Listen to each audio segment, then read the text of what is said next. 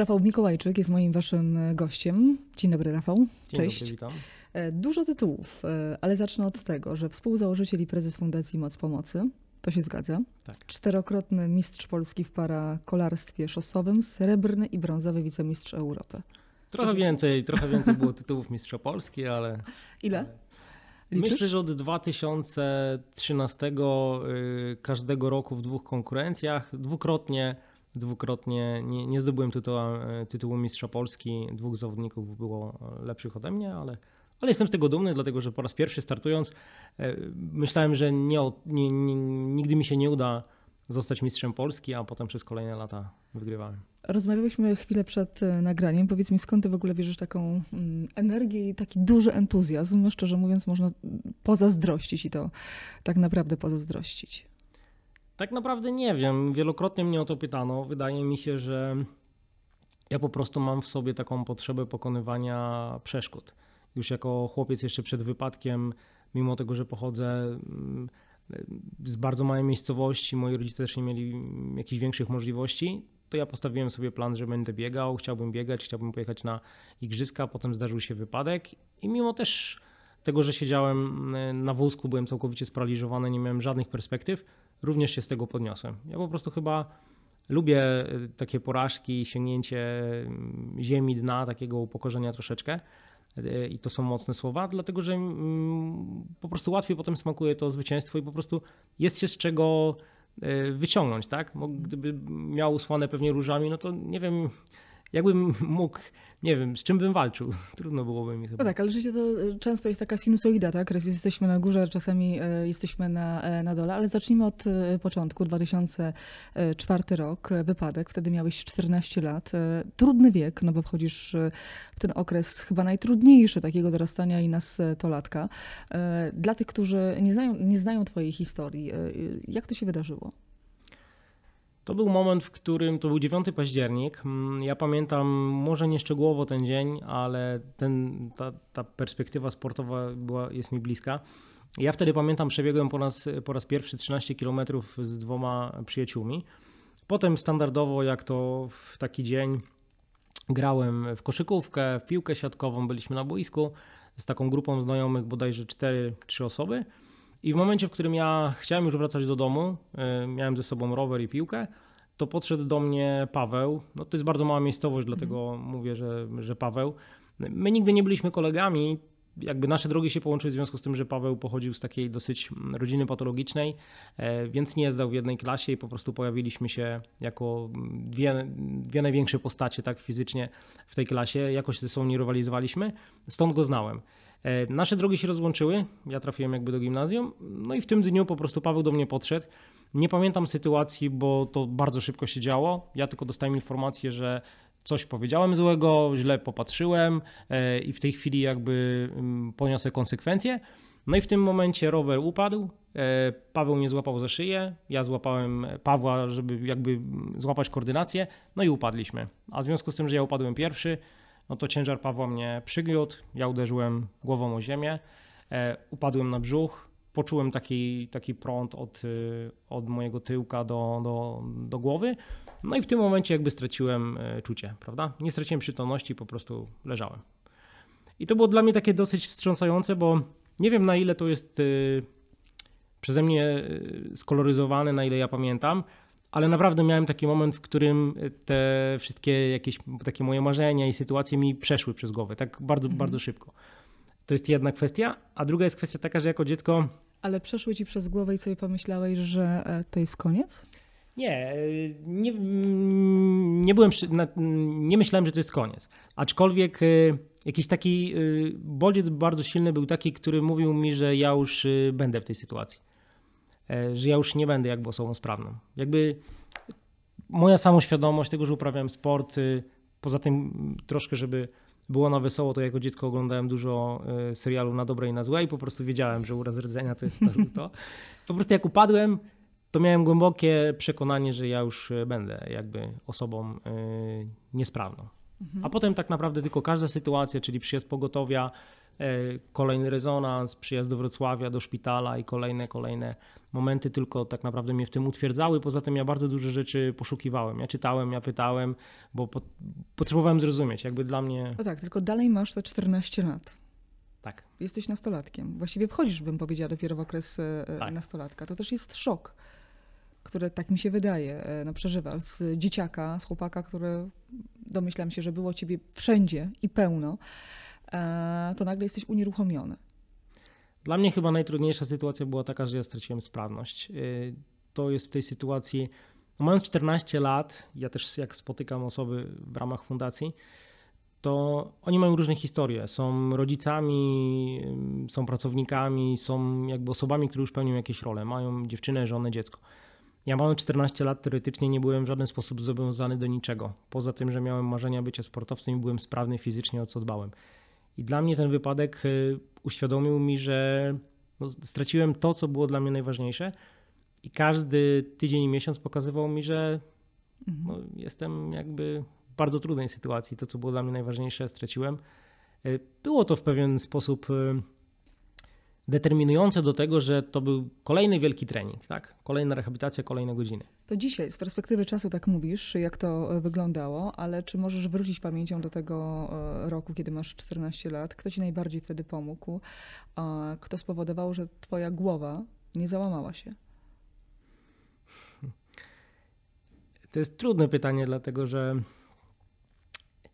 znaczy, wiele osób, jakby z perspektywy mhm. czasu, uważam, że na pewno tutaj bardzo dużą determinację wykazał mój ojciec. Mimo tego, że z tatą obecnie nie mam e, kontaktu, jest bardzo surowym, trudnym człowiekiem i jakby trudne dzieciństwo miałem, bo, bo, bo było bardzo trudne. E, ale mój tato stanął jakby na wysokości tego zadania, tak? Nie poddał się, szukał ośrodków, wysyłał dokumenty, realizował całą rehabilitację. Moja mama, która wykazała się, jest bardzo prostą kobietą, ale po prostu kochającą y, i wykazała się taką czułością, taką troską, tym, że pokonywała tysiące kilometrów pociągiem e, w każdej jakby pogodzie, żeby dojechać do Warszawy, do Konstancina, do Poznania, żeby chwilę być, żeby mnie pomasować e, po stopach, żeby mnie nakarmić jogurtem, żeby zrobić jakieś e, owoce, które zostawiła. Z perspektywy czasu na tamten moment ja, nie do końca było to dla mnie akceptowalne, mnie to denerwowało, tak? Ale teraz, gdy, to, gdy na to patrzę, to, to były elementy, które pokazywały mi, że ja jestem ważny, tak? Mhm. Że moja niepełnosprawność nie zdecydowała o tym, że, że ja jestem tylko i wyłącznie w tym szpitalu. I to było trudne, dlatego że wiesz, ja miałem 14 lat. Pierwsza noc, zresztą ja się do tego tak odniosę, trochę zrobię taką retrospekcję e, od Twojego pytania. Była najbardziej przerażająca, dlatego że ja leżałem w Kłodzku. Mm, o 19 był wypadek. Ja o godzinie pierwszej zostałem całkowicie y, na korytarzu. Y, zgasło światło, naprawdę tak było. Nie było nikogo. Ja y, mam 14 lat, mam uszkodzony rdzeń, nie ruszam się, po prostu leżę. Jest cisza. Nie wiem do końca, co ja wtedy myślałem. Było to takie przerażające uczucie i teraz jak sobie z perspektywy czasu myślę, to było to strasznie, strasznie smutne. Takie bardzo porażające. Ja pamiętam, że wtedy płakałem. Pamiętam kolejny dzień, w którym przyszedł pielęgniarz i, i mnie mył, odwrócił mnie na ścianę. Ja nie mogłem się ruszyć, ręka mi zdrętwiała. Ja wołałem, krzyczałem, żeby przyszedł. On przyszedł, mył mnie tą gąbką. Ja myślałem, że mnie jakby trze jakimś papierem ściernym, bo, bo jakby ta, ta reakcja organizmu była. To było naprawdę bardzo przerażające uczucie. Jak patrzę teraz z perspektywy na osoby, które ulegają wypadkom, to w głębi duszy myślę sobie, że są naprawdę w bardzo trudnej sytuacji i ja to głęboko przeżywam. Jak wracam potem samochodem do domu, czy, czy robię inne rzeczy, to nie potrafię tak z dnia na dzień po prostu przestać myśleć o tych ludziach, których spotykam, bo ja wiem, że są w bardzo trudnej sytuacji. Nawet po tylu latach. Tak. I myślę sobie, że ja nie, nie postrzegam siebie jako bohatera. Tak? Uważam, że na pewno ponadprzeciętnie zrobiłem dużo, żeby osiągnąć coś więcej, mm, coś więcej na co, co jakie miałem możliwości, to czasami jak sobie myślę, że chciałbym życzyć tym ludziom, żeby wrócili do sportu, do życia, do nauki, to wiem, że to będzie bardzo trudne. I nie dlatego, że ja jestem wyjątkowy, tylko to jest naprawdę bardzo trudne. Bo kwestia bardzo dużo czasu, cierpliwości, wytrwałości, godziny, ile razy ja się przewracałem, płakałem, e, upadłem, sam się ubierałem, rozbierałem. To były tysiące naprawdę godzin. Nawet teraz po, po operacji barku, tak? To trzy tygodnie ja całkowicie leżałem, byłem zależny od ludzi, którzy mi pomagali się ubierać, rozbierać, przesiadać i tak dalej. Mimo tego, że ja to potrafię, ale bark mnie Mhm. jakby wykluczył, więc myślę, że moje siostry, mama, tata, na pewno pielęgniarki, fizjoterapeuci, ci ludzie, którzy byli. I to jest fascynujące, m, Kasiu, że czasami jest tak, że spotykamy po prostu przypadkowych ludzi. I tacy przypadkowi ludzie. Czasami była pielęgniarka, czasami była pani, która sprzątała, po prostu podeszła i mnie podrapała po, po głowie i zrobiła mi jabłko i, i sama jakby zapytała. I to są takie momenty, w których y, ja doświadczyłem, że każdego człowieka szanuję, o, nie potrafię przejść obok jakby ludzi, czy spotkam na ławce, czy ktoś jakby reaguje, bo ja wiem, że tacy ludzie pojawili się w moim życiu i oni mi dawali e, taką energię, jakby nie przechodzili obok mnie. Tak? Mhm. Więc wszyscy przypadkowi ludzie pomogli mi po prostu w tej sytuacji wyjść. Wiesz, jak opowiadasz, jak doszło do tego wypadku, to się wydaje tak bezsensowne, że aż niewiarygodne, że po takim upadku e, można stracić e, swoją pełnosprawność tak? i nie funkcjonować jak, jak do tej pory. Tak po ludzku. Na pewno czułeś złość do kolegi, w cudzysłowie kolegi. Scenariusze były różne, tak? Moja starsza siostra gdzieś tego chłopaka tam zaatakowała potem pod kościołem, gdzieś tam e, poklepała go rękoma po twarzy. Mm, Moja mama jakby zrzucała wina na siebie. E, Mój tato chyba zamknął się, trochę jakby popadł w różne takie problemy e, swoje. Ja tak naprawdę, na pewno jako 14-15-latek miałem mm, dużo scenariuszy, które były bardzo nasycone nienawiścią, złością, takimi bardzo mm, brutalnymi jakby myślami. Zdecydowanie one mi szybko przeszły, ale wydaje mi się, że tutaj chyba w tym zakresie pomogły mi książki, dlatego że ja po wypadku bardzo dużo czytałem. Czytałem takich różno, różnych psychologicznych, fizjo, fi, mm, filozoficznych książek i ludzi, którzy podróżują, ludzi, którzy jakby się odnajdują i tak dalej. I to wykształciło we mnie taką e, pokorę do tego, że ja wyszedłem z założenia, że Paweł nie chciał mi tego zrobić. E, Wiemy Bardzo i słyszymy. Słucham? Bardzo dojrzale. Tak, to było, może nie było jakoś łatwe do, do, do przejścia, ale wiesz, no widzimy jakby codziennie brutalność, która się dzieje w stosunku do dzieci, w stosunku do po prostu ludzi, narodowości i tak dalej. I nie potrafimy jakby zrozumieć, dlaczego to się wydarzyło, tak? Ja jednak mam taki moment i taką myśl, że każdy człowiek ma coś w sobie dobrego. Ja raczej zakładam, że Paweł nie szedł w tym kierunku, że szedł jakby świadomie i wiedział, że teraz zaatakuje Rafała, uszkodzę mu rdzeń kręgowy, a on upadnie, będzie przez kolejne lata na wózku, będzie miał bardzo dużo problemów różnych i będzie dochodził do sprawności. On nie znał tych konsekwencji. Był prostym chłopakiem, więc ja nie mogę też go oceniać z perspektywy tego, że życzę mu jak najgorzej i tak dalej. To był, to był przypadek, to Miał odwagę przyjść do ciebie? Skontaktować się z, e, no nie, skontaktować no, się to, z tobą? to, to jest prosty chłopak, więc trudno, żebym też Mhm. wymagał od niego, aby zrozumiał pewne kwestie i żeby współczuł i tak dalej. Tak spotkaliśmy się dwukrotnie, jednak to była taka sytuacja, w której ja po prostu jechałem na rowerze gdzieś tam na wózku, Paweł był, był pod wpływem e, alkoholu, więc e, trochę ta rzeczywistość też jest trochę inaczej odbierana i po prostu, że słuchaj, no nie chciałem, ale wiesz, ja nie pamiętam dokładnie i tak dalej. Wiesz, wielokrotnie spotykam się z ludźmi i pewnie wolałbym ulec może wypadkowi komunikacyjnemu albo nie wiem, y, zrobić coś złego, skakać do wody lub nie wiem, brać udział w jakiejś bójce i tak dalej. Smutek chyba największy we mnie wywołuje to, że ja nic nie zrobiłem. Mhm. Czyli ponoszę konsekwencje kogoś, kto nie przewidział tych konsekwencji. I to jest chyba trudne, bo czasami w momencie, w którym jest naprawdę bardzo trudno i dużo rzeczy mi się nie udaje i ja na co dzień nie zauważam swojej niepełnosprawności, ale wiesz, jak Kasia muszę 14 razy wyciągnąć wózek, pojechać w różne miejsca, teraz jeszcze mam problem z barkiem, czasami mi brakuje czasu, jak każdemu innemu człowiekowi, to na samym końcu ja nie widzę tego, że mam dużo rzeczy, że mam dużo pracy, tylko ja widzę niepełnosprawność. Czyli ja wsiadam do samochodu, mówię sobie, ja ci się kręcę, znowu te nogi, znowu ten wózek, znowu to, znowu tamto.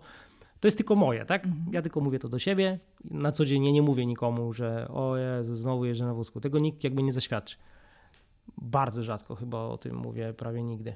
Ale do siebie tak. Jadę i jak jest najgorzej, to mimo tego, że do końca, znaczy ja nie jestem osobą wierzącą, ale jakby wychowany w tym, to po prostu patrzę w górę i mówię, no doświadczasz mnie, zajebiście, po prostu próbujesz mnie, tak? No i to tak działa. No, ja się trochę czuję taki wystawiony na, na, na próby, prawda? Mhm. Też pytanie, wiesz, no, przez lata mm, podejście do osób niepełnosprawnych w Polsce tak e, zmieniło się, ale e, jeszcze wracając do tego, jak masz 14 e, lat, pytanie, jak na przykład zachowało się twoje środowisko, w sensie twoich kolegów, też byli gdzieś przy tobie, czy to, czy, nie chcę powiedzieć, że się odwrócili, ale w sumie chyba tak mogę powiedzieć, bo czasami też nie wiemy, jak reagować, jak, jak rozmawiać, co powiedzieć. Ja mając 14 lat na pewno nie miałem dużej rzeszy przyjaciół, znajomych i tak dalej. Miałem kolegów, z którymi po prostu biegałem. To na pewno się bardzo szybko urwało. Byli oczywiście znajomi, którzy towarzyszyli mm, jakby w tej całej mojej historii. Myślę sobie, że tutaj bardzo duże zaangażowanie przede wszystkim mojej starszej siostry jej koleżanek. Anita jest ode mnie starsza 3 lata i pamiętam, że ona za wszelką cenę chciała mnie zabrać tutaj na wycieczkę, tam na wycieczkę. Pamiętam jak, jak przyjechali do, do, do Warszawy, to ona wszystko zorganizowała z koleżankami, z wychowawczynią i tak dalej, żeby mnie zabrać. A wyobrażamy sobie Warszawę, rok 2006, e, bariery, schody, naprawdę chwilę obecnej. że sobie nawet nie potrafię już teraz tego wyobrazić, jak to było właśnie Anita była na ty, Tak, Anita była na tyle otwarta, żeby zabrać e, brata, który jakby jest wysoko porażoną osobą z czterokończynowym porażeniem na różne wycieczki, tak? No i też ja wylądowałem tak naprawdę chyba półtorej roku po wypadku na chwilę w moim gimnazjum w Bystrzycy gdzie też było bardzo dużo barier i wiem, że nauczyciele to też zorganizowali, pom- zrobili podjazd, pomagali mi i tak dalej. Nie było to na pewno... Yy, znaczy, może, może się wycofam z tego. Na pewno zrobili tak dużo, jak mogli, jak chcieli, i, a, ale nie mam jakby relacji z ludźmi, którzy wtedy tam ze mną mhm. byli, prawda? Jakby nie mam takich relacji stamtąd. Mhm.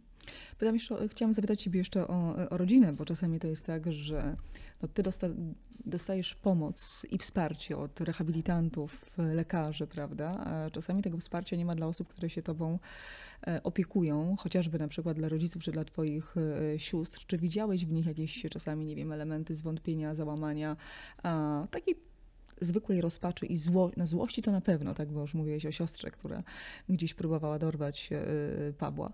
Mm, takie zwątpienie i takie, mm, no taka rozpacz na to, że, że dlaczego akurat y, mój brat czy, czy mój syn. Myślę, że cała czwórka mojej rodziny, czyli mama, tata i siostry to przeżywały, o czym powiedziałaś, czyli dlaczego to spotkało mojego brata lub mojego syna i to, czy ja ponoszę winę, głównie rodzice się zastanawiali, czy oni ponoszą winę za to, że nie dopilnowali, że Rafał tam był, albo że mama czegoś nie dopilnował, bo to głównie było zawsze ta historia jakby obwijania siebie dotyczyła mamy. Ale ten drugi wątek, o którym wspomniałaś, czyli zwątpienie w sytuację, myślę, że tego nie było, dlatego że ja tutaj bardzo się wykazywałem tą wytrwałością. Wiesz, ja bardzo szybko się zacząłem wbrew pozorom, czterokończynowe porażenie, teoretycznie w chwili obecnej ja nie powinienem do końca być tutaj u ciebie, tak? No bo jestem mhm. bardzo wysoko osobą. To dla tych, którzy wiesz, nie wiedzą, czterokończynowe porażenie to właściwie leżałeś, tak? Tak, ja właściwie leżałem, uszkodzenie na poziomie tam C5, C6, nawet na, na, na C3.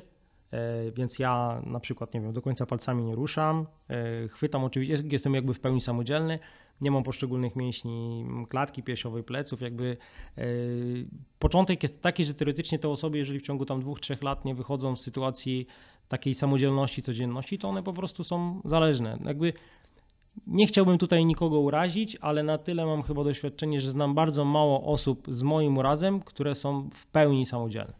Mhm. Tak w pełni, w pełni. To jest bardzo bardzo rzadkie. Tak? Jakie było podejście też e, lekarzy? No bo e, zdawałeś sobie sprawę ze swojej sytuacji. Czy to jest tak, że oni cię motywowali, czy po prostu przychodzi lekarz i mówi, że no niestety e, teraz tak twoje życie będzie, będzie wyglądało? Widzisz, tutaj znowu dochodzimy do takiej sytuacji, że można patrzeć tą brutalną drogą albo tą taką entuzjastyczną. To znaczy, brutalna polegała na tym, że ja zadawałem pytania i słyszałem informacje, nie ma takiej możliwości, nie ma w ogóle i tak dalej, jest koniec rozmowy, tak? Więc ja zawiść, nienawiść, tam przekleństwo i tak dalej. A ta entuzjastyczna e, strona e, polega na tym, z perspektywy mojej chwili, oni nie mieli wiedzy. Do dzisiaj jej wiedzy nie mają. To znaczy, jeżeli ja pytałem, czy Lekarz mógł... nie ma wiedzy? Tak, jeżeli ja pytałem, czy będę powiedziała, mógł... że teraz jesteś takim przypadkiem medycznym, który, który wiesz, mogą opisywać. Tak. Znaczy, generalnie jak ja pytałem, czy będę mógł jeździć samochodem albo czy się będę przesiadał, to słyszałem, że nie ma takiej możliwości, bo pan nie posiada prostowników, nie ma tych mięśni i tak dalej. W chwili obecnej jest, tak, jest również tak samo. Ja spotykam się z młodymi chłopakami, które ulegają wypadkom i oni mnie pytają, czy będą funkcjonowani, bo oni od lekarza słyszeli, że nie ma takiej możliwości. A to jest mega demotywujące. Tak. Tylko, że to I wiesz, nie każdy ma taką siłę w sobie. Tylko to jest brak wiedzy. Wiesz, ja, moim marzeniem jest to, żeby stworzyć powiedzmy taką grupę filmików lub wideo pokazujące osoby bez rąk, bez jednej ręki, bez drugiej nogi, czterokończynowe porażenie, które funkcjonują w różnej rzeczywistości i pokazywać to lekarzom. Czyli lekarz na anestezjologii albo na neurologii, neurochirurgii będzie miał taki przypadek, to on prześledzi sobie takie y, flash spoty y, z tych filmików i pomyśli sobie, aha, czy ten chłopak jednak ma możliwości. Wiadomo, że sytuacja może na to nie pozwalać w chwili obecnej, ale rodzinie powie, wie pan co, ja widziałem tutaj takie filmiki, on mógłby funkcjonować. A chodzi o to, że chyba to się nie pojawia tak jakby w mediach, w prasie. Znaczy pojawiają się historie tych osób z niepełnosprawnością, ale nie jest tego tak dużo. Lekarze podejrzewam też się z tym nie zderzają, no bo ich rola jest trochę na podstawie leczenia hospitalizacji. Oni widzą przypadek. Widzą, że człowiek nie ma sprawnych te, takich, jakby, takich mięśni, takiego układu nerwowego, więc nie będzie mógł pełnić tej roli. Ja już nie mówię o tym, że rodzice pytają, czy, czy mój syn będzie mógł mieć dzieci, czy mój syn będzie mógł uprawiać sport i tak dalej. No, lekarz mówi, no wie pani co, ja nie wiem, czy on w ogóle będzie jakoś tam samodzielnie oddychał i tak dalej. I z jednej strony brutalnie mnie to denerwuje, a z drugiej strony no, staram się zrozumieć lekarzy, no bo nie jest ich rolą. Czasami też e, takie danie nadziei bez e, podstawy powoduje, że można wyrządzić e, też komuś e, większą krzywdę niż e, no, żyjesz tą nadzieją, a potem nic nie posuwa się do przodu. To jest bardzo trudna materia, żeby tak wszystko pewnie wypośrodkować. E, Chciałam cię jeszcze zapytać, no, oczywiście o wiele różnych wątków i o fundację i o, o to, jak szybko zacząłeś trenować e, sport, ale żeby też wyzdrowieć i dojść do tej sprawności, no potrzeba dużej i długiej rehabilitacji. Co domyślam się, jest kosztowne. Tak. Jak to było w Twoim przypadku? Ja chyba byłem szczęściarzem, dlatego że y, muszę jakby zrobić takie jakby dwa zestawienia. W chwili obecnej wygląda to tak, że osoby, które są po takich urazach jak ja lub podobnych, ich rehabilitacja polega na tym, że ulegają wypadkom, jeżeli zbiorą środki e, na zbiórkach czy poprzez różne fundacje, mają możliwość pojechania do ośrodka komercyjnego, w którym się rehabilitują. Jeżeli ulegną wypadkowi komunikacyjnemu lub innemu, któremu mamy świadczenia, mają za chwilę jakby środki. Jeżeli będzie to osoba, która ulegnie wypadkowi, nie zbierze tych środków, nie ma możliwości wypadku komunikacyjnego i nie ma środków na ośrodek komercyjny, zazwyczaj trafi do domu, w ramach NFZ-u może skorzysta tam z 6 tygodni i raczej nie osiągnie sprawności przez kolejne 2-3 lata. W mojej sytuacji była o tyle dobrze, że system Narodowego Funduszu Zdrowia po prostu lepiej funkcjonował. Było więcej ośrodków rehabilitacyjnych w ramach tego systemu. E, Podejrzewam, nie wiem czy było mniej lub więcej wypadków, aczkolwiek moja droga była taka, że ja nie korzystałem z żadnego ośrodka komercyjnego, po prostu tata składał wnioski, więc 6 tygodni tutaj, miesiąc tutaj. Ja przez dwa lata e, podróżowałem, byłem w 14 miejscach w kraju. I ja cały czas tak naprawdę kończyłem turnus, mój tata już wcześniej załatwiał trzeci, czwarty, piąty, szósty. W chwili obecnej jest to niemożliwe. To nie funkcjonuje. Czyli de facto przez dwa lata też nie funkcjonowałeś, czyli nie było cię de facto też w domu. Rozumiem, że te odległości, tak jak już wspomniałeś, że twoja mama potrafiła przejechać, przypomnij, ile kilometrów e, na początek do, e, do Warszawy po wypadku? Ile to było? Z 300 więcej, bo to jest 350 z Wrocławia, myślę z jakieś 470. 400, prawie 500. pociągiem no i podejrzewam, że rok 2004-2006 do dzisiaj mamy problemy, to jest nie wiem, 6 godzin, nie, nie wiem, bo nie jeżdżę w tej chwili obecnej, 7 godzin zakładam. Dwie godziny do, do, do Wrocławia, jakieś 5 godzin. To też powoduje, że to też jest i kosztowne, i mega czasochłonne, mając e, mama kończyła pracę w piątek, jechała przez całą noc, była u mnie 4 godziny, na przykład 5 i wracała do domu. I tak co tydzień. Niesamowite poświęcenie, takie matczyne. Tak. I chyba najwyższy wyraz, e, wiesz, takiej matczynej miłości w ogóle No, rodzicielskiej. Dokładnie. O, w 14 ośrodkach byłeś przez e, dwa lata. Rodzina, rozumiem, że cały czas cię wspierała i, o, i dojeżdżała do ciebie. O, tam się zrodził pomysł tego sportu? Ja pamiętam sytuację, kiedy się zrodził ten pomysł do sportu. Pamiętam, że był rok 2004, to był wypadek. W 2005 roku ja wziąłem udział w takim obozie Fundacji Aktywnej Rehabilitacji. I pojechałem na, na, ten obóz ze względu na to, że była tam możliwość usamodzielnienia się, nauka ubierania, rozbierania, przesiadania itd. Tak I pamiętam, tam wylądowałem w pokoju z Dominikiem Rymerem i, i Tomkiem Bidusiem. Dwóch ludzi, którzy mocno gdzieś tam szyderczo podchodzili do, do tych nowych ludzi, ale to zawsze tak każdy podchodzi, czy, mm. czy to w sporcie, czy to w wojsku, czy to gdziekolwiek jakby pojawiają się starsi młodsi. E, I chodziło o to, że to mnie zmotywowało do tego, że ja widziałem, jak inne osoby z niepełnosprawnością funkcjonują, bo ja tak chciałem. Ja wiedziałem, że. I to już mi pozwoliło o tym myśleć. Ja pamiętam sytuację, gdzie w gronie powiedziałem, że ja będę zawodnikiem kadry narodowej w rugby na wózkach, bo o tym myślałem wtedy, bo z tym sportem się pierwszy raz zderzyłem. No i właśnie Tomek, Dominik i tak dalej, to tak popatrzyli, pośmiali się i tak dalej. A 2005 rok to w ogóle ta chyba dyscyplina nie była jakoś tam mega popularna w Polsce. Wiesz co, by, było sporo drużyn, bo akurat to się mocno gdzieś tam w Polsce rozwijało i też jakby fundacja o to, zadba, o, jakby o to dbała i to było tak nawet dobrze rozwinięte. Pamiętam w pewnym momencie nawet było 20 drużyn e, w kraju u nas. Ja tak naprawdę powiem Ci, że wróciłem do Wrocławia, to był rok 2005, potem jeszcze przez rok podróżowałem po tych ośrodkach i w 2006 wylądowałem w liceum, w internacie, no i tam powiedziałem, że założę drużynę rugby. Więc y, wyzwaniałem różne drużyny, dostałem takie złomowe wózki.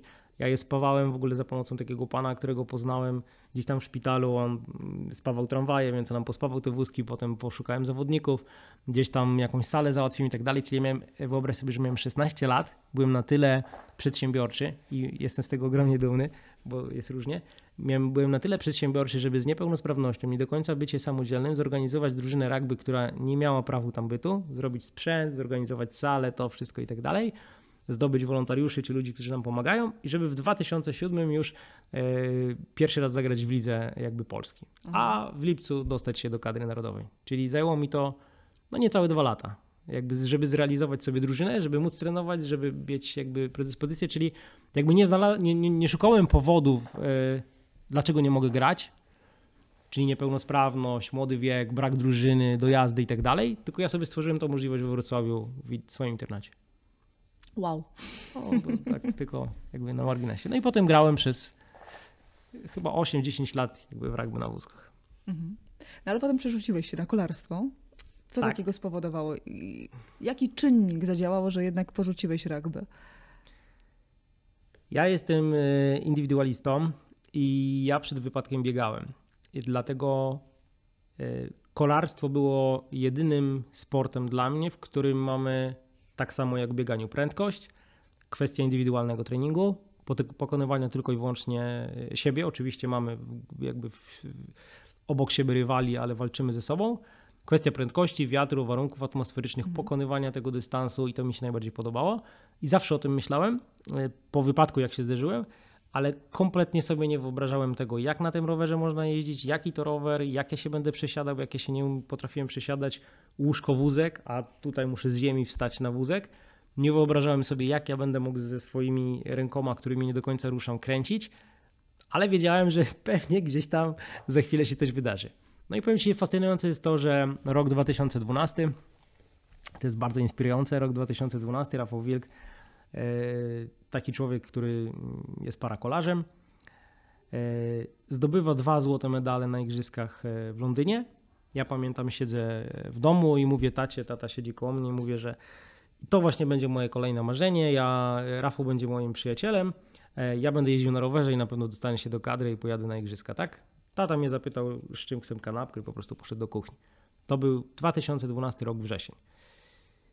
Ja po różnych kolegacjach zdobyłem telefon do Rafała, zadzwoniłem, nie usłyszałem, e, nie w ogóle co ty mi tutaj pierdoło opowiadasz i tak dalej, ja jestem, zdobyłem przed chwilą medal trzy miesiące temu i tak mhm. dalej, wiesz, w ogóle jakiś taka ogromny dystans, tylko wiesz co, no fajnie, że chcesz jeździć, słuchaj, no musisz kupić rower tu, tam i tak dalej. No i ja w maju 2013, czyli kilka miesięcy później miałem rower, Rok później się dostałem do kadry.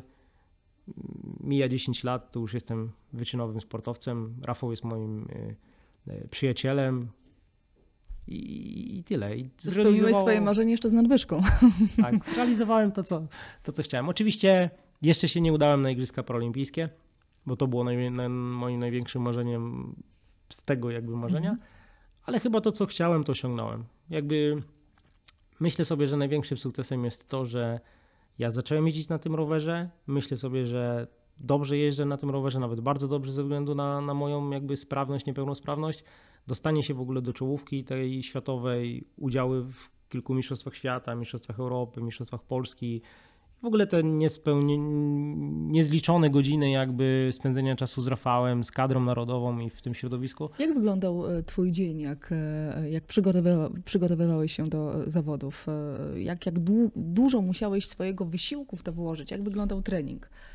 Początki były bardzo trudne, dlatego że ja potrzebowałem pomocy, żeby ktoś mi wyciągnął rower, pomóc mi się przesiąść, przypiąć nogi. Kto ci pomagał? Ktoś z rodziny czy już z zespołu? No, moja siostra, moja, moja siostra Anita Starsza. tak naprawdę dźwigała. Dźwiga, dźwigała do momentu, w którym y, jakby zaszła w ciążę, tak? Więc cały czas dźwigała, podnosiła i tak dalej. Mój szwagier jakby wychodził, kleił mi jeszcze rękawice na, na taśmę, te rę, ręce mi drętwiały tam w połowie tego treningu. Ja podjechałem 300 metrów do, do, do sklepu, ja już miałem ręce z waty, powiedziałem, że to na pewno jest dla mnie. I takie były początki. Ja musiałem w ogóle liczyć na ludzi, nie wiem, na ochroniarza, na sąsiada, na męża fryzjerki, bo mieszkam w takim bloku. Ja jakby wszystkich angażowałem do tego, że słuchaj, chciałbym zrobić trening, czy mi możesz pomóc i tak dalej. Tak naprawdę minęło bardzo dużo czasu do momentu, w którym ja byłem jakby samodzielny, że ja mogłem wyciągnąć rower, się przesiąść, zapiąć sobie nogi i tak dalej. Nawet do teraz powiem tak, że ja nie jestem w w 100% samodzielny, bo ja przesiądę się na rower, wyciągnę sobie rower, wrócę z jakby z tego roweru, wszystko ogarnę, ale nie jestem w stanie się przesiąść. Znaczy mam takie specjalne tam krzesełko, więc jakby na upartego jakby to zrobię, już sobie to zorganizowałem. W ogóle muszę o tym powiedzieć. Świetna sprawa jest taka, że mam takiego pana Irka, który jest osobą, która mieszka w noclegowni dla bezdomnych i od dwóch lat ten pan po prostu mi e, przychodzi i pomaga właśnie wyciągnąć rower, wejść na rower i tak dalej. I powiem Ci, dla mnie jest to fascynujące, że jest to osoba, która teoretycznie powinna zostać skreślona przez społeczeństwo, bo tak to jest, a on mi ogromnie pomaga w realizacji mojego marzenia, a on odnosi tą energię, że on, on się cieszy, że on pomaga mi i że Rafał jedzie, że mu opowiada, że był w Kanadzie i tak dalej. I powiem Ci, to jest fascynujące po prostu, że dla mnie, mi to ułatwiło życie sportowe. Jakby w ogóle to jest możliwość realizacji mojego ogromnego marzenia i wyczynowego sportu, a pomaga mi osoba, która mieszka w noclegowni dla, dla bezdomnych. To też niesamowita historia.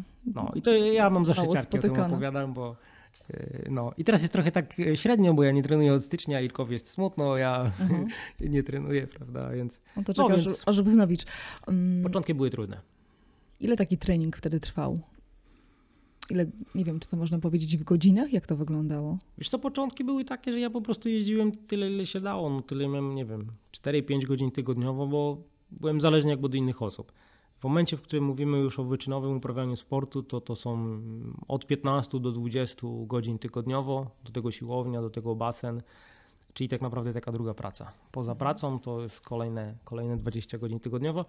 Musimy pamiętać o tym, że to nie jest tylko 20 godzin, e, gdzie jeżdżę na rowerze. To jest godzina przygotowania, godzina potem ogarnięcia się, bo jest kwestia wózka, przebrania, rozebrania, wykąpania i tak dalej, Mhm. więc całej tej otoczki związanej z niepełnosprawnością, bo pełnosprawni sportowcy robią to szybciej.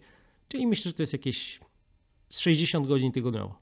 No to też robi wrażenie, jak to podzielić na poszczególne e, dni, to całkiem, e, całkiem sporo. E, Wrócę do pytania, które zadałam na początku. Co powoduje, że masz taką energię, entuzjazm? Pytam się, czy mm, korzystałeś, a może masz wsparcie jakiegoś psychologa? Czy to jest ważne w tym dojściu do swojej sprawności? Tak, ja e, nigdy w życiu nie skorzystałem z psychologa. Żałuję, bo to by mi bardzo pewnie pomogło w chwili obecnej zrozumieć pewne kwestie, uporządkować sobie pewne myśli i, i na pewno powinienem skorzystać, jakby porozmawiać i tak dalej. Dlatego, że tak to sam jakby muszę sobie te wszystkie rzeczy układać.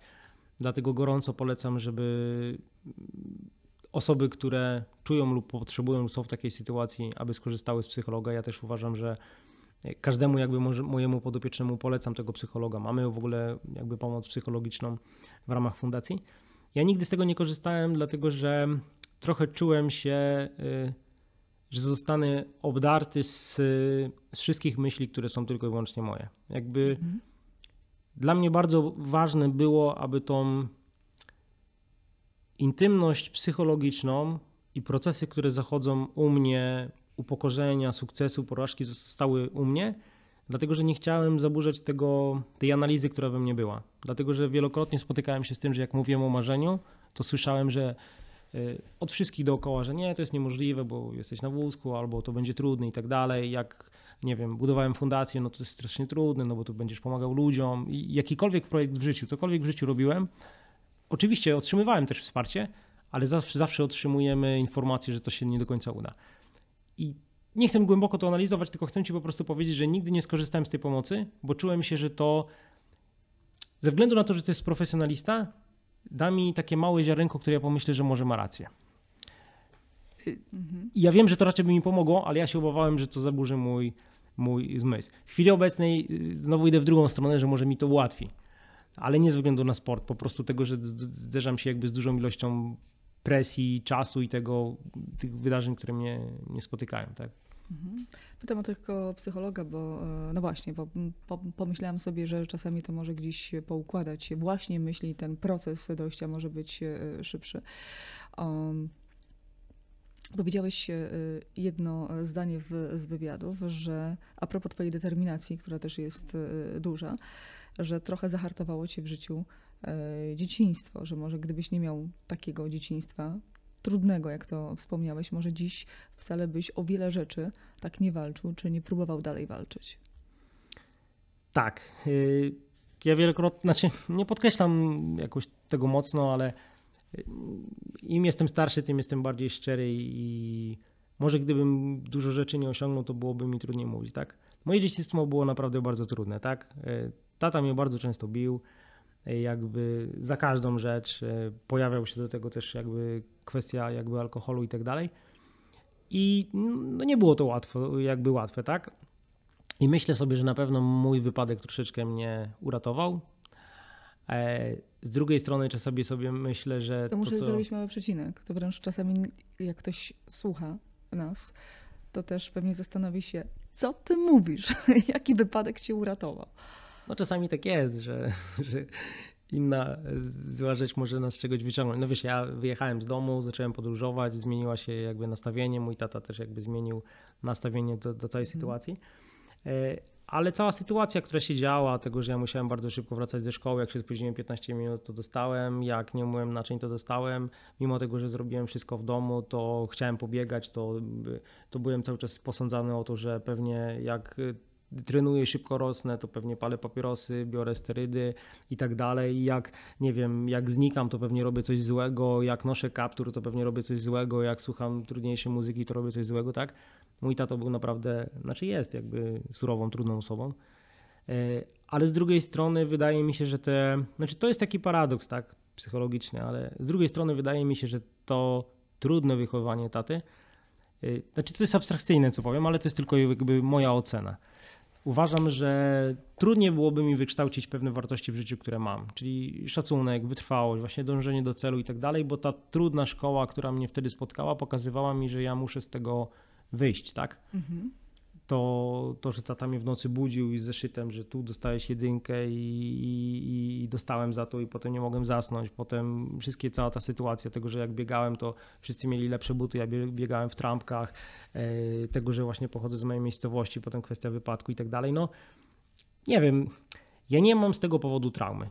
Ja nie mówię, że się cieszę z tego powodu, ale uważam, że to pozwoliło mi stać się takim kompletnym człowiekiem w chwili obecnej, w którym jestem i to też pozwala mi zrozumieć ludzi, bo jak patrzę na ludzi, którzy legają wypadkowi, sam uległem, patrzę na ludzi, którzy chorują, e, jakby znam takie osoby, na ludzi, którzy mają, nie wiem, problemy e, psychologiczne, czy jakby problemy z motywacją. Też takie miałem, problemy w dzieciństwie. Jakby nie mówię, że wszystko przeżyłem, tak? Ale wydaje mi się, że tak dużo rzeczy doświadczyłem, że w chwili obecnej nie jestem przykładem, ale jest mi łatwiej zrozumieć, a ten też chyba wydaje mi się poziom inteligencji emocjonalnej pozwala mi po prostu bardziej empatycznie na to patrzeć. Mhm. Ja się z tego cieszę. Nie wymazałbym moich doświadczeń. Nie powiedziałbym w chwili obecnej, że nie ch chciałbym mieć inne dzieciństwo.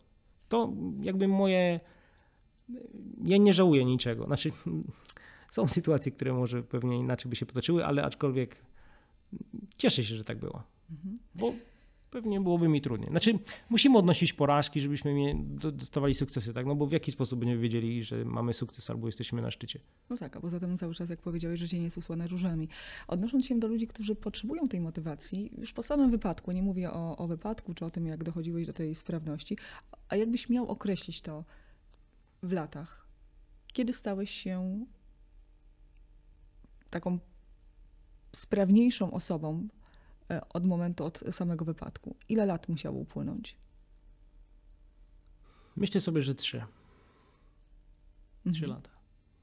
Tak naprawdę ciężkich trzech lat, bo dwa lata to była bardzo intensywna rehabilitacja, dużej ilości jeżdżenia na, na, na wózku i potem w momencie w 2006 jak wylądowałem w liceum, no to y, ja po prostu wiesz, wylądowałem w liceum, wstałem o 6 i po prostu przez dwie godziny się ubierałem, żeby pójść o 8 do szkoły i pokonać tam 300 metrów do internatu. Tak? I od tamtego momentu nie do końca byłem samodzielny jeszcze, bo kwestia skorzystania z toalety czy kwestia przesiadania się pod prysznic to była kwestia wychowawcy, ale myślę, że mogę powiedzieć świadomie, w momencie, w którym ja nie potrzebowałem już pomocy wychowawcy, no to był rok 2007, czyli 3, 3 lata, 3 lata po wypadku, tak?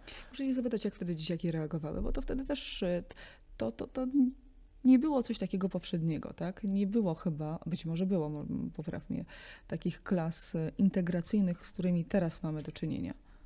Czy ja akurat byłem w takim internacie, w którym były te osoby z niepełnosprawnością, więc ja czułem się bardziej swobodnie.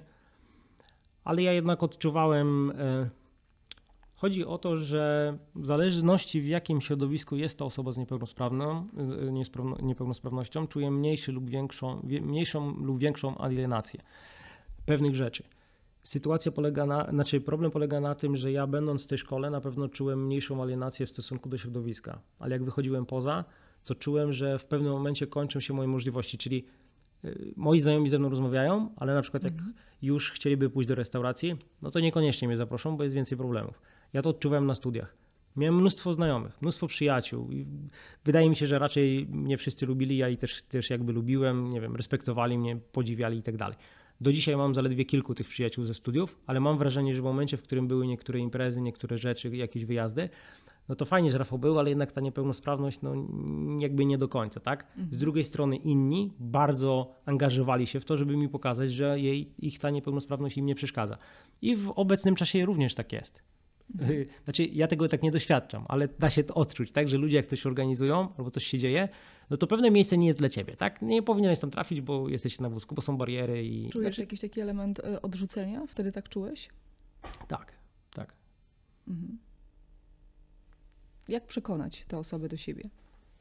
Czy w ogóle ktoś, kto, nie wiem, organizuje chociażby zwykły przykład, imprezę, powinien w ogóle o tym myśleć, czy nie?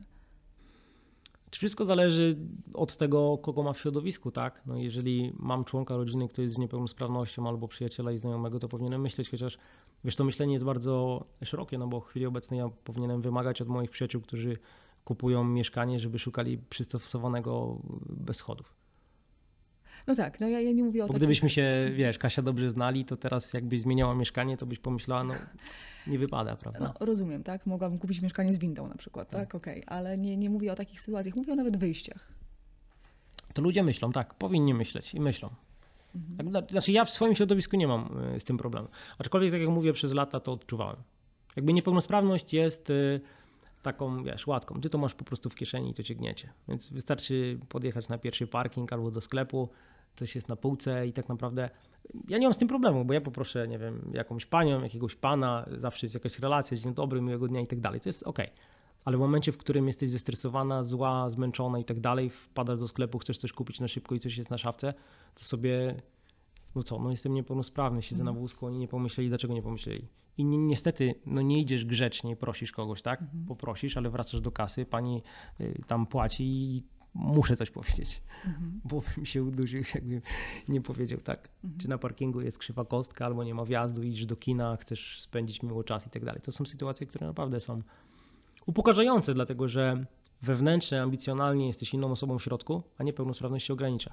To wiesz, no prosty przykład. Kobiety w naszym kraju, nie do końca, tak? Mają, są świetne w środku, mają w pełni, w pełni jakby sprawczość do, do działania, a tylko dlatego, że jesteś kobietą, to nie wiem, nie, nie będziesz na tym stanowisku, nie będziesz tyle zarabiała, jesteś ograniczona. Czyli Kolejne co innego masz w środku, ale na zewnątrz jesteś kobietą. Kolejne ja też w sufity, środku. które trzeba gdzieś e, Tak, ale wózek. burzyć, a w tym przypadku, tak jak mówisz, e, wózek.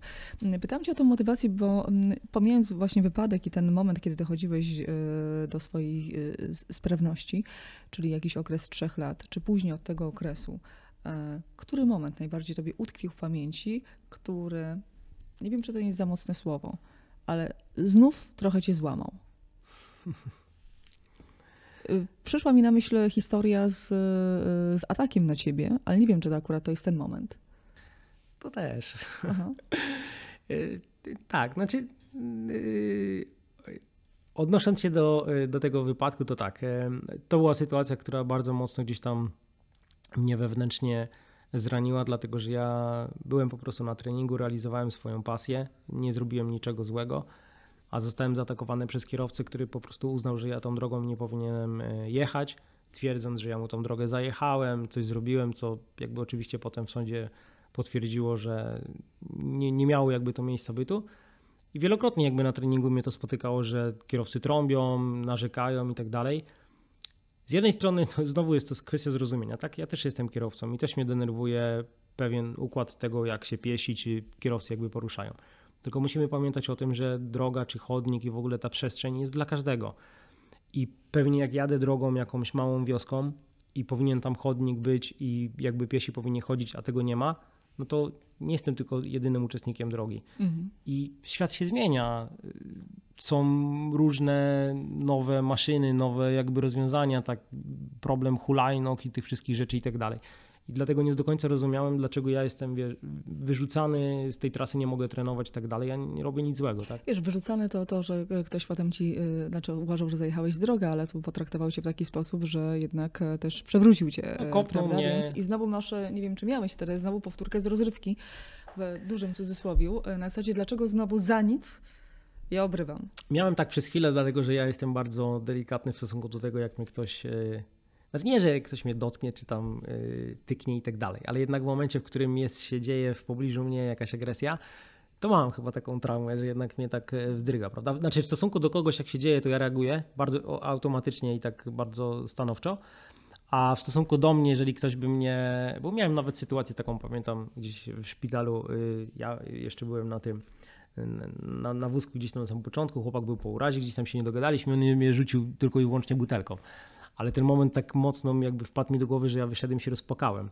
Dlatego, że ta agresja w stosunku do mnie, ja, no nie wiem, mam po prostu traumę. Jeżeli ktoś w stosunku do mnie się agresywnie zachowuje, tak? Ktoś podniesie głos, krzyczy i tak dalej, to, to się nie zdarza e, prawie w ogóle, ale jeżeli się nawet ma miejsce, to ja, jest to dla mnie stresujące, prawda? Znaczy ja sobie z tym radzę, aczkolwiek To ten moment wypadku, ale e, to ja ci podpowiedziałam, ale może był inny w życiu moment, który spowodował, że jednak e, coś znowu silnie cię złamało, ale stawiłeś czoła i, i, i się podniosłeś. Pytam o takich momentach, bo oczywiście o motywacji możemy sobie dużo rozmawiać e, i o tym, jak się do tego podchodzi. Czasami to jest tak, że ktoś, kto nas ogląda i, i teraz słucha, patrząc przez pryzmat e, twojego życia, twoich doświadczeń, albo odniesie to do siebie, albo powie, ja się z podobnymi gdzieś sytuacjami też zmierzyłem i łatwiej to do drugiego dochodzi. Tak, wiesz co, no ja po pięciu latach e, po wypadku miałem taki bardzo trudny moment. Czułem się, wiesz, trochę jak taka gąbka, która nabrała bardzo dużo e, wody i, i, i jak ją wycisnąć i tak dalej. I myślę sobie, że to był bardzo trudny moment dla mnie. Myślę sobie, że miałem na pewno depresję i przez potem kolejne, kolejne lata gdzieś tam to e, analizowałem, w jaki sposób się to działo i to na pewno się kwalifikowało do tego, żebym skorzystał z pomocy psychologa, aczkolwiek nigdy tego nie zrobiłem tak, jak powiedziałem. E, I na pewno się to przez lata gdzieś tam e, ciągnęło, że w momentach takich najtrudniejszych dla jednej osoby ten moment trudny będzie niżej zawieszony. U mnie ten poziom trudności jest bardzo wysoki zawieszony i musi się zdarzyć bardzo dużo czynników bardzo złych, aby to we mnie uruchomiło. I czasami jest to dla mnie taki. Ja się tego czasami boję, prawda? Bo kwestia związana z presją e, czasu, pracy, sportu, różnych wydarzeń i tego, co się dzieje, to w momencie, w którym dojdzie do takiego limitu, no to, y, to wtedy ja. Oczywiście, że nie będziesz osiągał takich wyników, jakie sobie założyłeś, e, nie będziesz pokonywał kolejnych barier. Czego się boisz? Chyba najbardziej tego, że nie będę mógł po prostu realizować tego, co mam w środku, ze względu na ograniczenia mojego ciała. Mhm. I tego się chyba najbardziej. No, w chwili obecnej jest to trudne na pewno w zakresie sportu, tak? Chciałbym trenować, chciałbym się przygotowywać, a niestety no, jakby moja niepełnosprawność, jakby mój, mój bark i staw, który nie wytrzymał, trochę mnie ograniczył. I teraz znowu. Znaczy, to jest dosyć logiczne, aczkolwiek jakby, jeżeli szczerze No twoim rozmawiamy, marzeniem jest? to udział w igrzyskach. Udział, znaczy najbliższy to chciałbym po prostu pojeździć dwie godziny na rowerze. Jest Okej, no to y, ciut dalszy. dalszy. No chciałbym po prostu uczestniczyć w igrzyskach e, paralimpijskich. Pojechać na... W 2024. czwartym. Nie wiem, czy to w chwili obecnej będzie możliwe, bo ten czas mojej rekonwalescencji się wydłuża. Sytuacja też się jakby zmienia osobowa, kadrowa i ta rywalizacyjna e, sportowców w mojej grupie. Aczkolwiek ja nie powiedziałem ostatniego słowa, tak? Jakby nie chcę, nie, nie, znaczy tutaj mogę powiedzieć, tak? Jakby nie mówię głośno i się nie odgrażam, że tak, ja wracam, zaraz tu będę najlepszy i tak dalej. E, Wolałbym chyba z perspektywy czasu i mojego doświadczenia życiowego po prostu powiedzieć, że e, proszę mnie jakby nie skreślać, jakby czas dla mnie jeszcze przyjdzie, tak? Za, za, za moment, prawda? Nie wiem, jakby muszę poczekać jeszcze. Mhm. Znaczy, ja, ja na pewno tam będę, tak? Znaczy może nie w Paryżu, tak? Ale na igrzyskach na pewno. To ten dłuższy cel Tak. i marzenie. A już jak udowodniłeś, jak o czymś marzysz, to potem to po prostu Dlatego, dłużej bo- albo krócej, ale... y, Mam nadzieję, że mnie to po raz, po raz kolejny nie zawiedzie, że to się uda. A, to musi się udać, te, te słowa już poszły w świat. Czy za Dokładnie. chwilę, wiesz, za chwilę pójdą. Co cię motywuje? Znaczy w sensie, jak się podnosisz y, z tego? To jest znowu wsparcie osób najbliższych? Czy masz jakieś swoje wypracowane e, metody, które może możesz zdradzić, e, co powoduje, że się jednak podnosisz z tego dołu? Wiesz co, ja latami się uczę y, rozmawiać z moimi najbliższymi. Nie dlatego, że nie mogę z nimi rozmawiać, tylko że ja, tak jak mówię, swoje emocje i to się, co, co się dzieje i tak dalej, bardziej trzymam w sobie. I, I to jest złe i to jest dobre. I uczę się tego. Ale co mnie motywuje i podnosi? Wiesz co, fascynujące jest to, że w momencie, w którym jest naprawdę u mnie bardzo źle, e, to ja na nowo, e, to ja mam taki rytuał, w którym e, sprzątam w mieszkaniu, zaczynam układać w szafkach, zaczynam... To już jest taki sygnał, że jest źle. Tak, tak. Jeżeli ja zaczynam sprzątać w szafkach, typu układam ubrania, wyrzucam niektóre dokumenty, wyrzucam śmieci nie takie standardowe, codzienne, tylko zaczynam sprzątać gdzieś tam po szafkach, że o, to, tego nie potrzebuję i tak dalej, to dla mnie to jest taki sygnał, znaczy wiesz, ja czuję taką, e, takie podniecenie, że Rafał się naradza, na, e, rodzi się na nowo, prawda? To jest taki moment, ja to mam tak co, co pół roku, co roku, i to jest, znaczy wiesz, to nie jest taka sytuacja, że jestem w, w takiej sytuacji, że ja leżę na ziemi, tak? Tylko chodzi o to, że ja tracę swój cel. I ja jakby trochę jestem w takim chaosie i ja na nowo muszę złapać rytm, tak? Więc ja zaczynam sprzątać, zaczynam układać, zaczynam odpisywać na wszystkie SMS-y, na maile, zaczynam jakby porządkować tą całą procedurę i te rzeczy, które są najmniej dla mnie w rezultacie istotne i wtedy zaczyna się cały, cały rytuał tego, że wracam na rower, do pracy, do relacji i tak dalej, i tak dalej i jakby idę, idę po swoje. I to potrafi trwać kolejne 5, 6, 7, 8, 10 miesięcy, gdzie ja zdobywam kolejne poziomy, sukcesy zawodowe, sportowe, relacje i tak dalej, i tak. No i znowu w pewnym momencie jestem jakby czymś zmęczony albo coś się w moim życiu udarzy i znowu jakby upadam. I tak cały czas, i tak cały czas. Mhm. Tylko za każdym razem jestem jakby na wyższym. Mam nadzieję, że z tego najwyższego kiedyś nie spadnę, tak? Bo dużo rzeczy się gdzieś tam dzieje, aczkolwiek e, tak, w taki sposób się motywuję. I chyba najbardziej, wiesz co, e, największą motywacją jest moja córeczka. Tego pewnie Jak ma na imię? nie doczytałaś. Mm, No to może zadam pytanie, jak może mieć na, na, na, na imię y, córka człowieka, który jest tak wytrwały i walczy o zwycięstwo? O Jezus, teraz za zagadki. Wiktoria. Wiktoria. A, no tak, Ma na imię. Wiktoria, Dobrze, tak. dobrze podpowiedziałeś, no. Tak, Wiktoria. Także myślę, że jej, jej twarz i śmie, śmialiśmy się ostatnio z moją młodszą, ma trzy latka. Mhm. I śmialiśmy się ostatnio z moją siostrą, że nasza mama tak robiła, że jak e, widzi zdjęcie, to tam o mój synek, mój synek. A ja włączyłem mojego laptopa i mówiłem do Marleny, patrz jakie ładne zdjęcie, moja kochana, prawda? No, także to y, patrzę na zdjęcie, pomyślę sobie po prostu tylko Wiktoria, wzruszę się i wtedy jestem w stanie jakby pokonać te e, jakby trudności, tak? Gdzie, gdzieś, głównie to w sporcie jakby polega, Mhm. że pomyślę i mam taki... Trzy lata e, to jeszcze e, bardzo mała. Zadała ci kiedyś takie pytanie. Dzieci w tym wieku są też bardzo otwarte i bardzo szczere. Dlaczego jesteś na wózku? Tak. Pytała, zapytała mnie już trzy razy w przeciągu tam kilku miesięcy. E, Więc ja jej powiedziałem, że tak, e, że kolega e, tatę zaczepił, że upadł i tak dalej, i tak dalej. Ale dalej jeszcze tego nie rozwijała. Na razie jakby zatrzymuje się na tym i e, po pięciu sekundach, ha, ha, no to tam idziemy dalej. Mhm. Ale padają takie pytania, tak. Ale jakby już odmienia przez wszystkie przypadki, że no zejdź z tego wózka albo weź wózek tutaj na, na łóżko ze mną i tak dalej, więc Mhm. jakby postrzega. Chyba najbardziej fascynujące w tej relacji była kwestia tego, że Wiki jakby odczuwa e, ten wózek, czyli już teraz potrafi tak stąpać, że ja nie najadę na stopę, jakby czuje, chociaż z drugiej strony tego też nie zauważa, bo czasami wkłada te nogi w szprychy i w ogóle ją to mało jakby interesuje. Mhm. E, Założyłeś fundację. Bym powiedziała, że trochę roznosi cię, takie też twoje ADHD, oprócz y, sportu. Ale najpierw, za- zanim o fundację, jeszcze chciałam zapytać cię, bo przed rozmową e, tutaj w studiu mówiłeś, powiedziałeś jedno ważne zdanie, że gdyby nie sport, to nie można e, iść w drogę zawodową i osiągać, wyznaczyć sobie kolejnych celów że najpierw tym takim czynnikiem, który powoduje, że podnosisz się z tego, jest w wielu przypadkach dla wielu ludzi właśnie ten element e, sportu.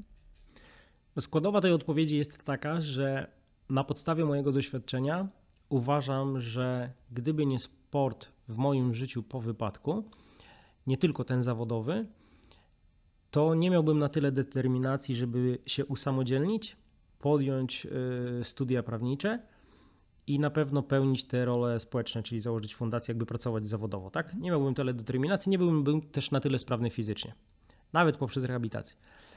To jest jedna składowa. A druga składowa jest taka, że z perspektywy mojej pracy i statystyki osób, z którymi się zderzam, to osoby, które wróciły do sportu, rozpoczęły sport lub jakkolwiek rekreacyjnie go rozpoczęły, znacznie szybciej i sprawniej, skuteczniej trafiły do pracy zawodowej, takiej społecznej, założyły rodziny, zbudowały relacje. Osoby, które tego nie mają jakby al, albo nie chcą, albo się nie przekonywują, jest im to trudniej i są na innym poziomie. Mhm. Moim zdaniem, w mojej ocenie. Dlatego ja za każdym razem jednak namawiam te osoby, aby spróbowały jakieś aktywności, aby rozpoczęły, dlatego że chodzi też o to, że jeżeli wiesz, trafiam do młodego chłopaka i on mi zadaje pytanie, co on musi zrobić, żeby się zacząć przesiadać, albo kiedy się to wydarzy, albo jak się jego sytuacja zmieni, to ja nie mam dla niego gotowego rozwiązania. Ale ja mu mówię, że słuchaj, Tomek, spróbuj codziennie rano ubierać tą skarpetkę. I mimo tego, że ty ją będziesz ubierał 100 razy, ona się nie uda i tak dalej, to po pięciu dniach wyobraź sobie, że jak on będzie próbował tą założyć skarpetkę, to jak mu się coś uda, to to tworzy jego pewność. Jak mu się uda założyć skarpetkę, będzie miał ochotę, żeby założyć drugą. To spowoduje jeszcze większą pewność siebie. Czyli może się okazać, że z samym zwykłym ubieraniem skarpetki w ciągu dwóch tygodni wykształci sobie elementy wytrwałości, celu, możliwości. A jak zacznie ubierać skarpetkę, to pomyśli o spodniach. A za chwilę z tych spodni pomyśli o tym, że kończy studia. To jest troszeczkę taka historia jak z Apollo, że jak Apollo miał wypadek w kosmosie, to nikt tam z tych wszystkich ludzi nie zastanawiał się, co zrobić teraz, żeby Apollo był na Ziemi. Tylko naprawili radio, potem skupili się na komunikacji, potem skupili się to i nagle powiedzieli: Apollo jest na Ziemi. Nie rozwiązywali problemu, że on był tutaj. Dlatego ja mu nie mówię, nie szukaj rozwiązania, jak ty się zaczniesz przesiadać, albo jak ty będziesz funkcjonował za dwa lata. Tylko rób po kolei. Lub po prostu po kolei. To ubieranie skarpetki wytworzy kolejne rzeczy.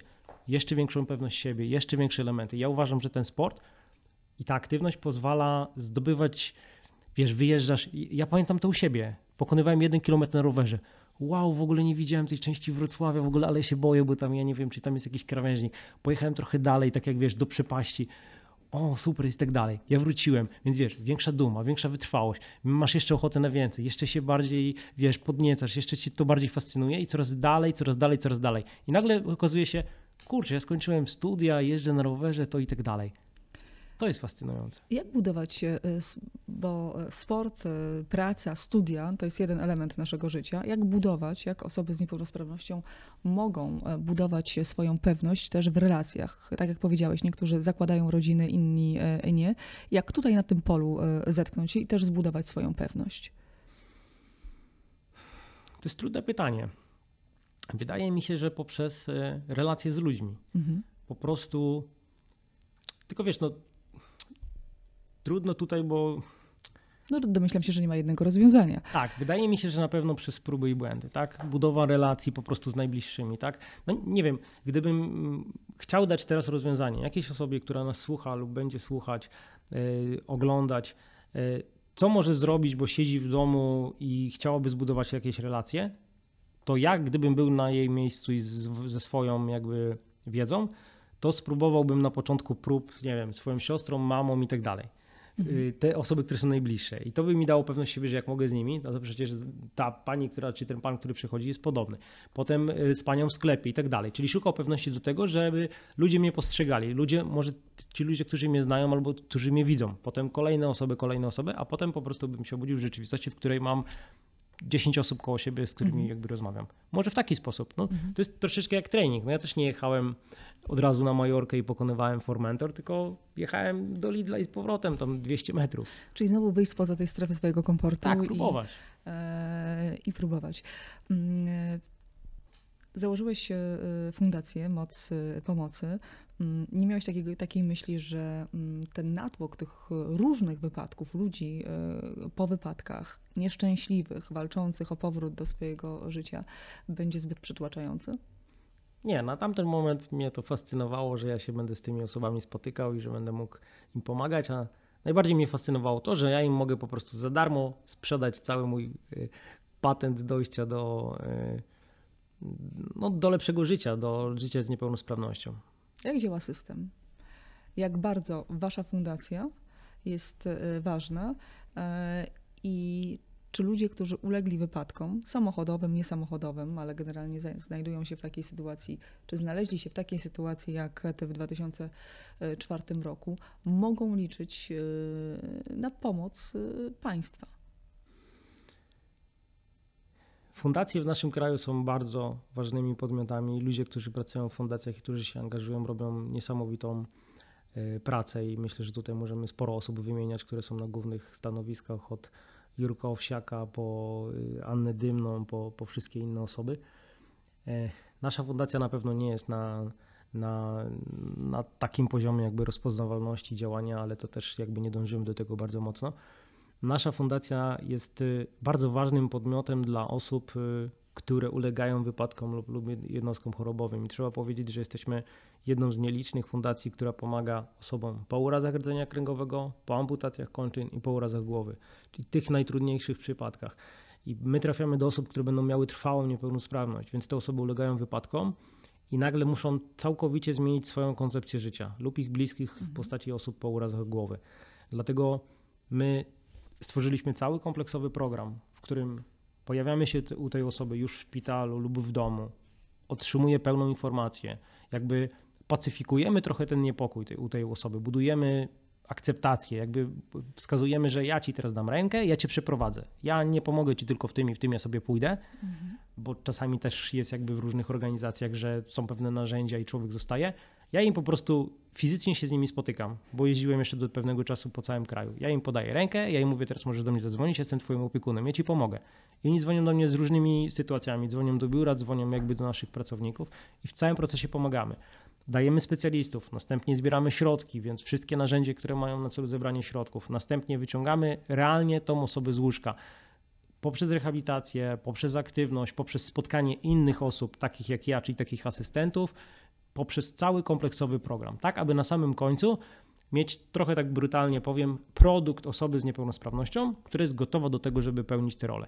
I okazuje się, że nam się to udaje, bo mógłbym wymieniać tu dużo przykładów osób, które jakby wyszły z tej niepełnosprawności i tylko powiem ostatnią rzecz, że chyba najważniejszym, takim najbardziej chyba jestem dumny jakby, e, jakby mm, z- tych sportowców ze względu na to, że ja sam jestem sportowcem i mam, y, mam Bartka, który w chwili obecnej jest w kadrze narodowej parakolarskiej i wrócił teraz z Pucharu Świata. Mam Tomka, który gra w siatkówkę. Y, jest Klaudia, z którą się pewnie spotkam jeszcze w dniu dzisiejszym, która jakby została wybudzona i, i już zaczęła jakby ruszać y, rękoma, nogami i funkcje poznawcze wracały i no mógłbym dużo tutaj osób jakby mamy naprawdę fajną, fajną. A czy jest jakaś taka historia? Bo czasami różne historie różnie na nas oddziaływują. Jedne zapamiętamy e, bardziej, drugie e, mniej. Nie wiem, od czego to zależy, e, może od naszego stopnia zaangażowania się również emocjonalnego, która utkwiła Tobie w pamięci przez ten okres, kiedy, kiedy jesteś w fundacji, założyłeś, pomagasz konkretnym osobom.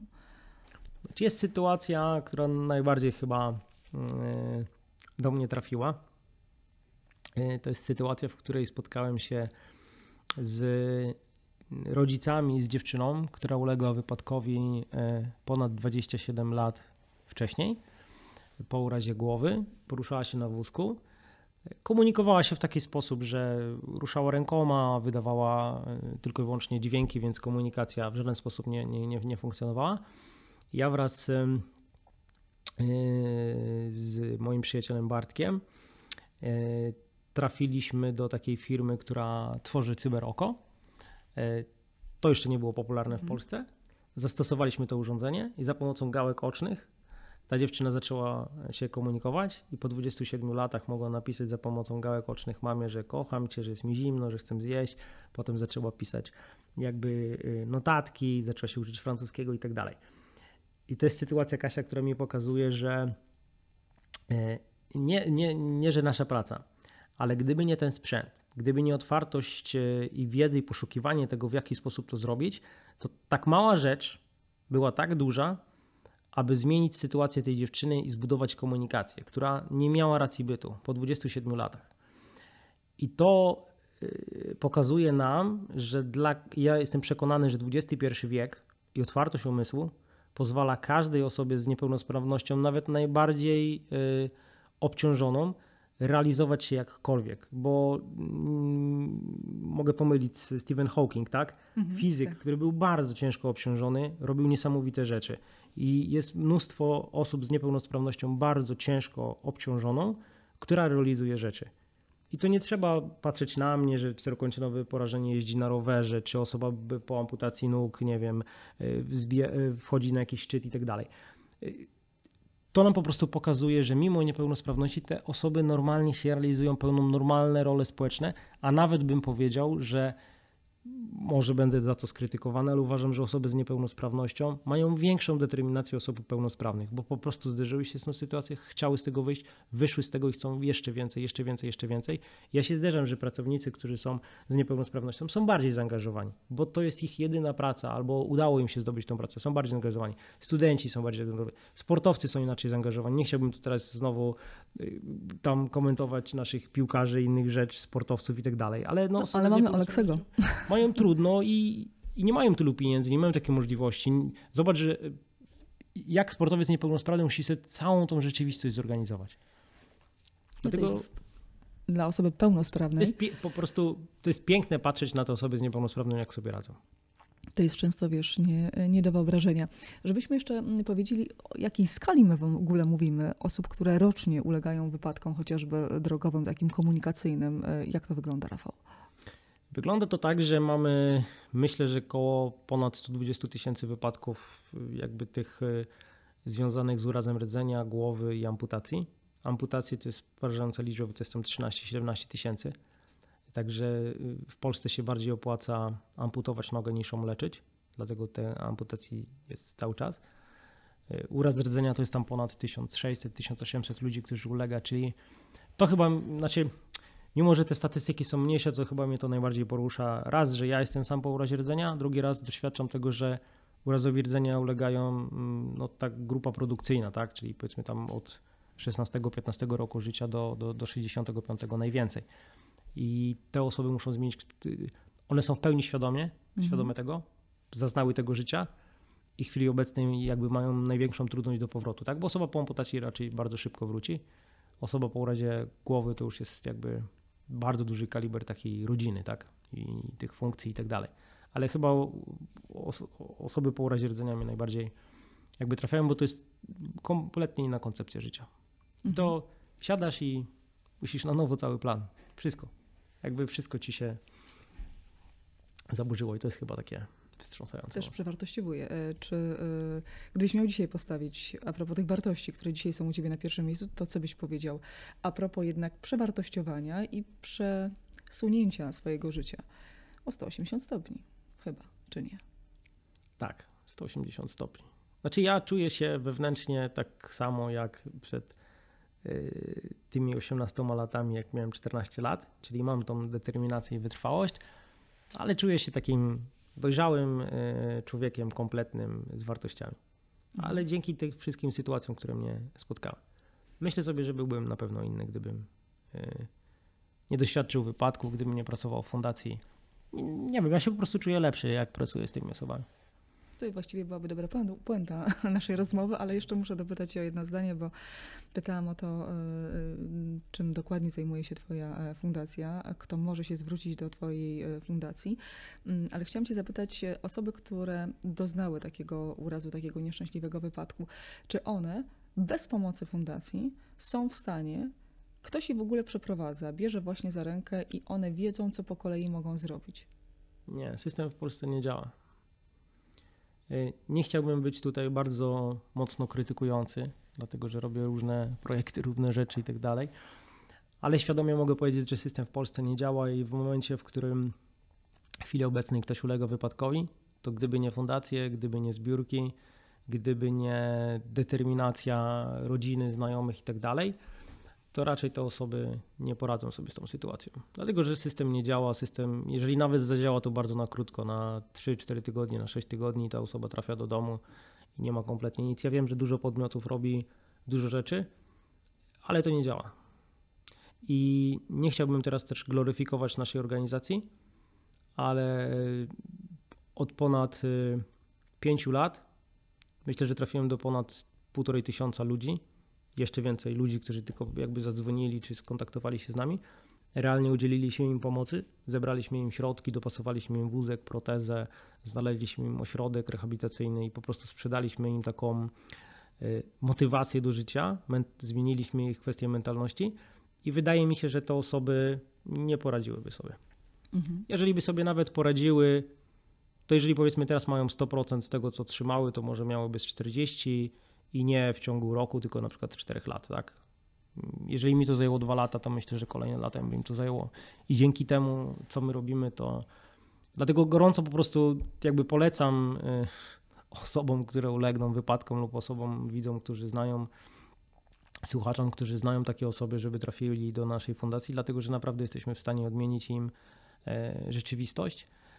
E, I tyle. I to będzie ta puenta. Bardzo dziękuję, że przyjechałeś. Trzymam kciuki za 2024 e, albo, albo za kolejne. Albo ósmy. albo ósmy.